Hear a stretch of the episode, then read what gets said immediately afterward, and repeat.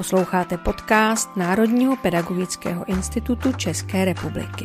Naším cílem je, aby se děti těšily do školy a učitelé měli tu nejlepší práci na světě. Dobrý den. V tomto podcastu bychom vás rádi přivedli na myšlenku, že je nejvyšší čas začít se změnou školních vzdělávacích programů v souvislosti s novou informatikou a digitálními kompetencemi, v RVP pro základní vzdělávání. Rádi bychom vás zbavili obav a inspirovali vás, zvlášť pokud jste řediteli nebo pedagogy tzv. paragrafových škol. Mým hostem je paní ředitelka a lektorka NPI Milena Tunkerová. Dobrý den. Dobrý den. Mé jméno je Petra Svoboda a ještě před povídáním vás poprosím o schovývavost, co se týče zvukové kvality tohoto podcastu, protože ho natáčíme online. Věřím, že i tak v našem rozhovoru najdete spoustu dobrých rad, jak s novým EŽVP začít. Paní ředitelko, než se pustíme obecně do tématu nové informatiky na paragrafových školách, představte nám prosím nejprve tu svoji školu. Dobrý den ještě jednou, moc děkuji za pozvání. Eh, jmenuji se Milena Tunkerová a jsem ředitelkou základní školy Kroměříž 1. máje. Jsme škola zřízená podle paragrafu 16 odstavec 9 a specializujeme se na děti s mentálním postižením. V současné době máme na škole eh, kolem 50 dětí a většina z nich eh, jsou děti s lehkým mentálním postižením. Z těch 50 dětí máme pouze 4 děti se středně těžkým mentálním postižením. Takže náš fokus je opravdu zaměřený na děti s lehkým mentálním postižením. Pokud vím, tak vy od září roku 2021 vyučujete podle upraveného ŽVP se zapracovanou novou informatikou a digitálními kompetencemi.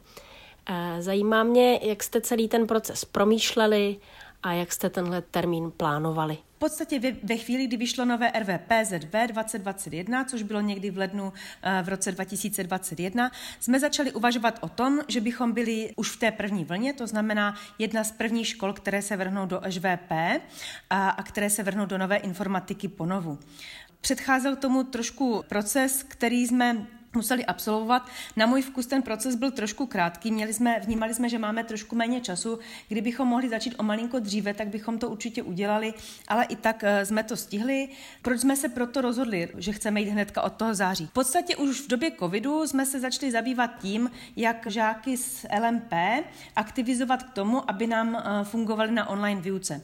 Takže jsme si nastudovali strašnou spoustu materiálů, chodili jsme na strašnou spoustu webinářů a potom vlastně, když eh, jsme mohli začít začít s tím novým EŽVP, nebo když se ta, ta možnost objevila, tak nám přišlo škoda všechny ty možnosti a všechny ty zkušenosti, které už jsme měli, nevyužít a nejít do toho hnedka od startu, takže opravdu jsme začali v lednu se na to připravovat, na to nové ŽVP.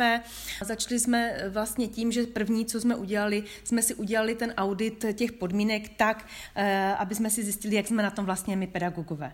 Protože to bylo to nejdůležitější a to základní gro, od čeho jsme se potom chtěli odrážet, abychom věděli, jakým způsobem to ŽVP naše eh, nové vlastně uchopíme. Mohla byste nás krok za krokem provést tím, jak u vás ten audit probíhal? Především jsme si udělali audit našich vlastních znalostí a zkušeností a přes webový portál učitel21.rvp.cz eh, jsme si udělali audit našich vlastních zkušeností. Krásně jsme si to vyplnili. V podstatě je potřeba tady u toho, pokud si to učitelé budou vyplňovat, aby se nebáli toho a aby opravdu si tam vyplnili to, jak se opravdu teďka v tuto chvíli cítí, protože pokud to vyplní špatně na jednu nebo na, na druhou stranu, tak je tam potom problém v tom, že ten audit neví vyjde tak, jak opravdu na tom ta škola je. A na základě tohohle auditu nám vyšly oblasti, na které se máme ještě specializovat a naopak nám tam vyšly oblasti, ve kterých se cítíme už poměrně jistí a se kterými jsme mohli hnedka začít. A eh, o jakých oblastech to hovoříte? Co jste vlastně sami o sobě zjistili? Nám třeba konkrétně vyšlo, že eh, oblast hodnocení žáků digitálně, eh, že tam jsme byli vlastně úplně na začátku a když jsme se na to podívali hlouběji, tak jsme zjistili, že vlastně to je věc, se kterou jsme ještě nezačali, se kterou jsme vůbec jako kdyby neměli do té doby zkušenost. Takže jenom chci říct, že pro nás to byl takový odrazový můstek, na co se vlastně máme zaměřit, aby to HVP eh, bylo úplně perfektně zpracováno. Krom teda personálního auditu jsme si udělali ještě audit vybavení. Znova jsme si prošli celou školu, protože pokud chcete začít eh, učit novou informatiku a pokud chcete zavést eh, digitální technologie do výuky, tak je potřeba trošičku mrknout na to, jak na tom ve škole aktuálně jste. Především, a to velmi doporučuji, je zajistit si kvalitní pokrytí internetovou sítí, protože pokud chci počítači dělat a pokud si dělat s digitálními technologiemi, ten, ten, ten internet prostě musí fungovat. Takže to byla první věc, kterou jsme si zařídili. A druhá věc, podívali jsme se na vybavení, které ve škole máme, které bychom ještě třeba chtěli do budoucna pořídit a hlavně jsme se teda porozhledli okolo protože není potřeba všechno pořizovat hned, není potřeba všechno pořizovat a je potřeba využít těch ehm, vedlejších zdrojů. Máme tady úžasnou střední školu, která má k dispozici 3D tiskárny, takže tam se můžeme chodit dívat, jak to funguje, můžeme si to vyzkoušet. Máme tady knihovnu, která má taky spoustu robotických hraček, které můžeme využívat. Máme spoustu kolem sebe eh, propojených nebo partnerských škol, se kterými si navzájem můžeme zapůjčovat techniku, takže opravdu není všechno potřeba hnedka pořizovat eh, najednou, nebo ani to jsme neudělali. Eh, pořizujeme postupně, a do toho startu jsme si úplně vystačili s malem. Prostě jsme vzali to, co jsme měli. Byli jsme poměrně dobře ze šablon vybavení iPady, ale měli jsme jako v podstatě jenom jednoho robotka a s tím jsme se rozhodli, že teda eh, na tomhle tu informatiku postavíme. Takže na začátku je prostě potřeba vůbec zjistit, jak na tom škola je ve všech směrech, které se té změny týkají. Eh, je ještě něco, co jste ohledně auditu nezmínila? Poslední, to byla sice moje funkce, ale nicméně bylo potřeba se nad tím zamyslet a to bylo, eh, to bylo financování, protože samozřejmě eh, nová informatika přináší nové věci, digitální technologie také předpokládají, že eh, ty děti budou pracovat s trošku jinými nástroji a ne všechny ty nástroje v té škole mám, jsme měli nebo máme. Takže jsme se snažili porozhlednout se po různých zdrojích. Určitě jsme využili teďka aktuální operační program Jak, ten už se nám teda podařilo i podat. Určitě jsme využili Národní program obnovy, tam ať už to byla digitální propast, ve které jsme dostali zase peníze na pomůcky, nebo ať už to byl ten druhý program, ve který jsme zase dostali peníze. Já vám do toho skočím. Pojďme se u toho NPO zastavit. Jak jste využili tu nabídku digitální propasti a ty prostředky na digitální učební pomůcky? A jsou tam nějaká specifika pro paragrafové školy, která je potřeba zmínit?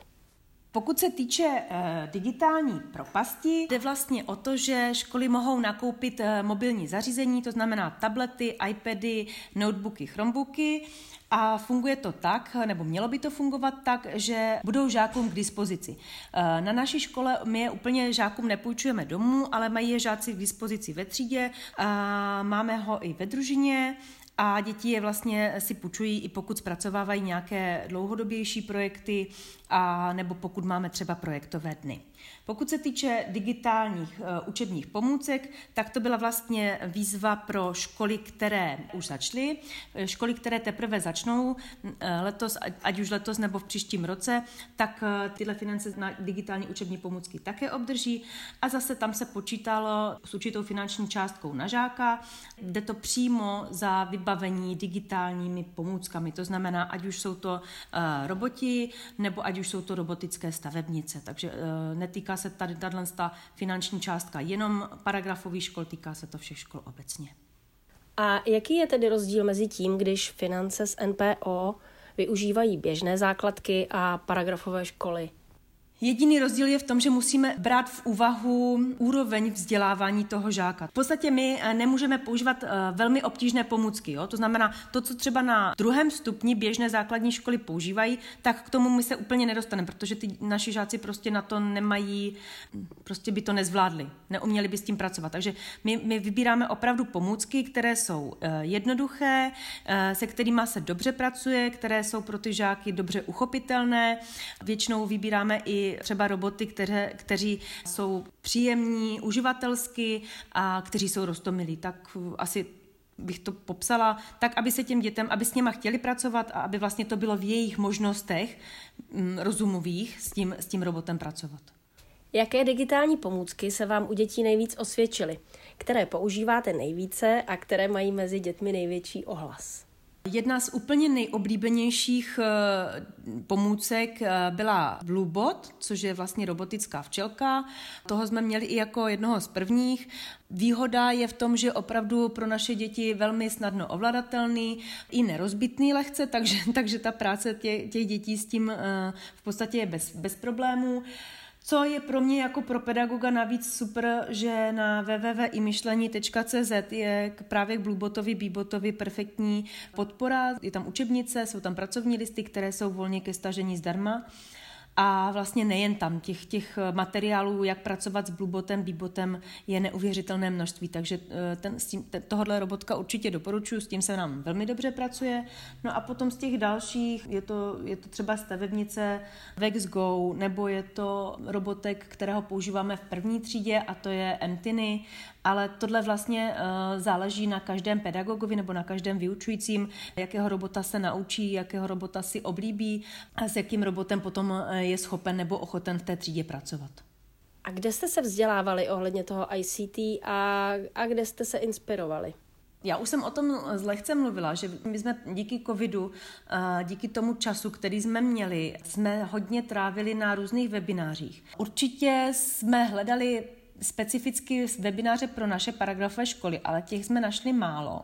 To až potom, když jsme s Renatou Votavovou začali sami vlastně aktivně pracovávat a tvořit, tak tam jsme se potom jako dostali k tomu, že nějaké webináře pro paragrafové školy teda konečně začaly vznikat. Ale spíše jsme se inspirovali v běžných školách s tím, že jsme si opravdu z toho vytáhli jenom tu část, která se nás týkala. No a potom, když jsme eh, teda už našli nějakou digitální pomůcku, která se nám líbila, tak jsme si přes internet, různé webové stránky, přes YouTube jsme se snažili si o tom co nejvíce zjistit a jezdili jsme potom po školách se podívat tam, kde už tu robotickou hračku měli, tak jsme se jeli podívat, jak se s ní pracuje, jestli to je to, co by jsme s našimi žáky vůbec eh, mohli, chtěli. Co byste nám řekla k motivaci pedagogického sboru? Někteří učitelé jsou už staršího věku a těch změn a novot je na ně příliš. Jak vy osobně jste motivovala svoje kolegy a bylo to potřeba? Tak já mám naštěstí výhodu, že mám poměrně mladý kolektiv kolegů kolem sebe. Ale i tak ta motivace je velmi důležitá. Eh, my jsme o tom eh, hodně mluvili, protože zase už se, zase, zase se vracím k tomu covidu, kdy fakt jako i my pedagogové jsme se hodně posunuli. To znamená, začali jsme mít spolu mýty, začali jsme mít spolu online konference, začali jsme se o tom bavit, začali jsme víc do toho digitálního světa jako kdyby nakukovat. Hodně věcí jsme změnili i co se týče jako kdyby těch běžných uh, osobních věcí. Třeba uh, máme sdílené ŽVP, to znamená, nemá každý svůj, svůj vlastní soubor, svůj vlastní dokument, ale máme jeden, do kterého jsme všichni vypisovali. Co se týče té motivace, ta je velmi důležitá, protože pokud uh, ty lidi by nebyli motivovaní, tak by tu toho se mnou prostě nešli. Uh, ta motivace z mé strany eh, v podstatě působila tím směrem, když už to všechno umíme, když už to všechno víme, když už to máme takhle pěkně nakročeno, tak pojďme, ať to všechno nezapomene. Všechny ty nabité zkušenosti a vědomosti, ať prostě nejdou jenom tak někam, a když už je máme, tak je prostě pojďme, eh, pojďme využívat. Vy to všechno tak krásně popisujete, že má člověk pocit, že ta změna prostě jede jako na drátkách. Ale právě na začátku bývají ty největší obavy, takže eh, zkuste si ještě vzpomenout, čím jste vůbec začali ve změně RVP? Od čeho jste se odpíchli? Krok, který jsem teda udělala a asi jako jeden z prvních, je, že jsme se všichni museli povinně seznámit s tou, s tou revizí, čili s, eh, s tím dokumentem RVPZV 2021, s, tou, s, tím, eh, s těmi vyznačenými změnami. Chtěla jsem, aby to opravdu uh, do toho nahledli všichni, uh, a to z toho důvodu, že mnohdy byl názor, hele, to se týká jenom informatiky, to se nás vůbec netýká, mého uh, předmětu se to netýká, takže já do toho se ani dívat nemusím. Není to tak úplně pravda, protože zaprvé díky tomu, že jsou tam ty digitální kompetence, které by měly jít napříč všemi předměty, a za druhé, protože se informatika poměrně hodně změnila tak se to opravdu, a, a některé ty věci, které byly dříve v informačních a komunikačních technologiích, už teďka v té nové informatice nejsou, ale posunuli se do těch ostatních oborů. Takže proto jsem chtěla, aby e, vlastně i, i ti, co neučí informatiku, věděli, o čem ta nová informatika je, nebo aspoň tušili, podívali se, o čem ta nová informatika je. A aby jsme se mohli pobavit o tom, co a který kus z té z, té star- z těch starých informačních a komunikačních technologií si vezme na bedra který pedagog. Jo, protože opravdu to není jenom o tom, hele, informatiku, ty si udělej novou, nové ŽVP a my všichni ostatní jsme v klidu a, a netýká se nás to. Není to tak. Jo, opravdu to ŽVP, i když uh, se třeba mění jenom některé části, tak se opravdu týkají celého sboru. Co byste ještě řekla, poradila k té celkové změně ŽVP? Tak eh, o té, o, tom, eh, o té analýze podmínek ve škole, o tom už jsem mluvila, takže u nás opravdu to probíhalo tak, že uh, jsme se seznámili s tím RVP, udělali jsme si tu analýzu těch podmínek přes ten učitel 2021, mrkli jsme se na to, kterým směrem se dále máme ještě rozvíjet, no a pak už jsme se směle vrhli do, do tvorby nového ŽVP. Je teda fakt, že my jsme neměnili pouze informatiku, my jsme opravdu měnili celé ŽVP, protože Eh, jsme to prostě chtěli začít dělat jinak. Chtěli jsme eh, tam vsunout do těch předmětů ty digitální kompetence a chtěli jsme to v tom ŽVP mít zakotveno. Takže my jsme opravdu přetvořili celé ŽVP, ale není to podmínkou. Ředitele klidně mohou opravdu přetvořit jenom tu část, která se týká informatiky a digitálních kompetencí. Eh, hodně nám pomohlo vzorové ŽVP, že jsme se trošičku odrazili od toho, jakým směrem nebo jakým způsobem to ŽVP naše má vypadat. Takže jsme si zase přes revize edu.cz, přes společné vzdělávání kde je proklik na dvě naše vzorové ŽVP, tak jsme si eh, tím ujednotili, jaká má být ta forma toho samotného dokumentu. Eh, my paragrafové školy tam teda máme dvě, běžné školy tam mají čtyři, ale my máme dvě. Ta první varianta je eh, spíše pro školy, které mají běžné třídy a v těch běžných třídách mají zařazeny uh, žáky, uh, kteří se vzdělávají podle minimální doporučené úrovně. Ta druhá varianta je víceméně pro školy a třídy, kde jsou pouze děti, které se vzdělávají podle minimální doporučené úrovně. Jen tady bych chtěla říct, že tyhle ty varianty je hrozně fajn, že je teda jako máme, že, že i ty paragrafové školy je máme, ale je dobré opravdu to eh, ne, nevzít celé a nevsunout to do svého ŽVP. Ono to ani nejde. Ono, každá ta škola by to měla jako kdyby trošičku přizpůsobit, pokud už teda si to chcete jako vzít, nebo pokud se tím chcete inspirovat, tak každá ta škola by to měla přizpůsobit přímo těm svým podmínkám, jo, protože není prostě možné uh, pro všechny školy v republice vytvořit jednu, jeden dokument, který bude použitelný pro všechny. To, to nejde. My máme ty školy tak specifické, že v podstatě každá škola je originál a každá škola musí i to svoje ŽVP mít originální. Já vám moc děkuji za sdílení všech vašich praktických zkušeností a návodů, jak krok za krokem postupovat. Co byste doporučila paragrafovým školám, které ještě nezačaly a moc se jim do toho nechce? A na co byste upozornila z nabídky NPI, co by jim určitě mohlo pomoci? Určitě bych doporučila, abyste se toho nebáli. Teď v tuto chvíli máme připravenou velkou podporu z NPI pro nás, pro paragrafové školy, což na tom začátku úplně nebylo, ale teď vlastně máme už webináře pro ředitele, máme webináře pro pedagogy, připravujeme webináře, co se týče digitálních kompetencí, takže nebojte se, klidně se přijďte inspirovat, nebojte se se ptát, protože nemusíte všemu rozumět, ale máme tady velkou řadu odborníků, kterých se můžete můžete zeptat a nebojte se s tím, co děláte, výjít na venek, protože ty věci, které děláte a děláte je dobře, eh, tak by bylo škoda neinspirovat tím ostatní kolegy. Tak to je jistě velmi podporující, co říkáte. Koná se v dohledné době nějaký webinář, na který byste ráda posluchače pozvala? Určitě bychom chtěli pozvat především na ten eh, webinář pro ředitele, který budeme pořádat s paní Votavovou, která je garantkou pro eh, společné vzdělávání v NPI eh, teď 7.